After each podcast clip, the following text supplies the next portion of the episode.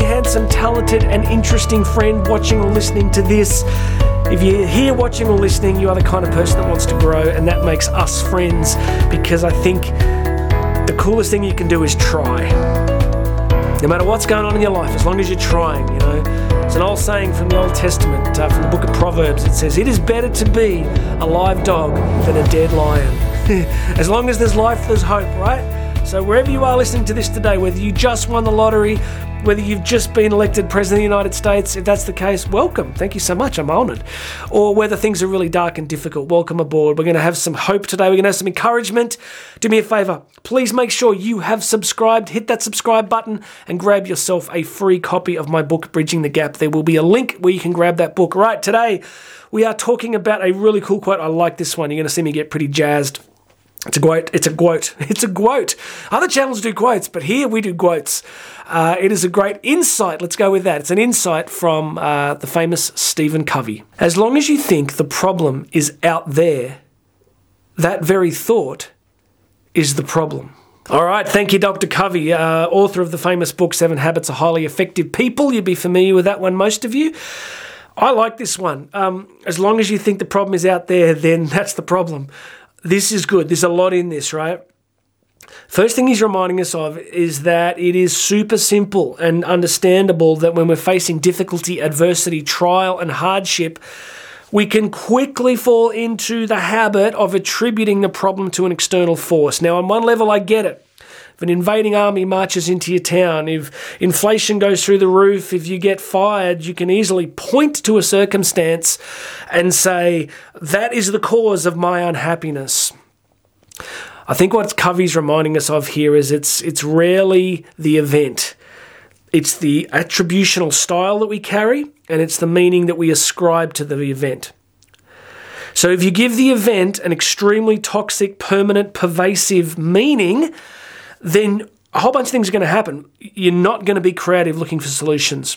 If you're in despair and despondency because you've totally externalized the suffering, then you are not going to be in, a, in an optimized physiological, psychological state to look for creative solutions. So, the first thing we want to do is we want to be objective. We want to say, yes, I recognize there is this event. This event is problematic. Let's not sugarcoat it, right? If you are in the midst of real difficulty, we're not saying that the job is to go, hey, I just got a terrible diagnosis. This is the best. I can't wait to be positive through this and be a witness to other people. No, we're human. These things are scary, right? They're, they're, they're hard, they're difficult. Uh, you know, COVID, we, we were hit hugely in terms of shutdowns and lockdowns and travel bans and all the other craziness, massive overreaction that went with it. And it's so easy to simply go, to get stuck, to stay, to just go, I can't change it, I am powerless. The magic here today is the reminder that really the real power comes from the internal state. Because if you can change the internal state, if you can change the meaning, then you got options. And you can have all sorts of meanings to a difficult circumstance. You can be like, right, I'm going to get even. I'm going to show these people. I'm going to prove to them that, you know. So immediately you take the power back within you. Some of you will be familiar with the locus of control studies. So, you know, one of the crucial things that psychology uncovered in the 20th century was this idea of locus of control. That as soon as, you know, they used to shock rats you know, in a cage. Sorry, uh, that's confronting. And the rats, you know, in some of the experiments, that the rats could uh, could stop the shocks happening and the other ones they couldn't. So they go into this learned helplessness collapse state. Um, and the locus of control, the sense that they could do anything about their suffering, the ones that believe they couldn't do anything ended up in a really terrible state. So it, this is about agency. This is about the concept of, you know, at any given time, not giving all the power to the external circumstance, but realizing that you do have extraordinary resources, even if you don't feel like it. And sometimes it's the real hardship and the real suffering and the real difficult times of life that will literally make you or break you, right?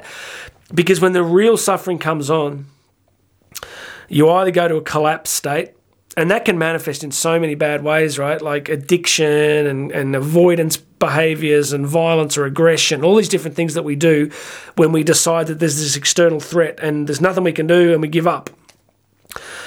But the other option, of course, is to realize that what do you have? Well, you have your spirit, you have your intellect, you probably have some level of community and relationship that you can draw upon, you have spirituality.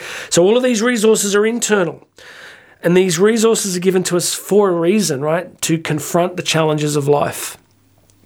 The world is full of incredible men and women, and, and young men and women, boys and girls, faced with terrible suffering and adversity, who learned to make something extraordinary out of it. So let's agree with Stephen Covey today that the minute that we think the real problem is out there, we're in trouble. Because whatever you're facing financial, relational, physical, personal, whatever yes, it's real. Yes, there's a strong objective component, but your focus needs to shift from the external threat to the internal resource. Okay? Get a journal out. Even if it's hard, even if you're going, oh, I can't write this, write it. Write the heading. What are my internal resources to deal with X? Relationship breakdown, financial crisis, health crisis. What are my internal resources to deal with it? And then start writing. And you'll be going, well, I don't have any. Because we're in an unproductive state. So we've got to get in a good physiological state, eat well, get some rest, be in a good space, go for a walk, and then, whatever the problem is, start to write down what your options are. Okay, that's all I want to say today. Please make sure you've subscribed. Please grab a copy of my free book, Bridging the Gap. Check out the other links wherever you're hearing or watching, and I'll have another message for you tomorrow.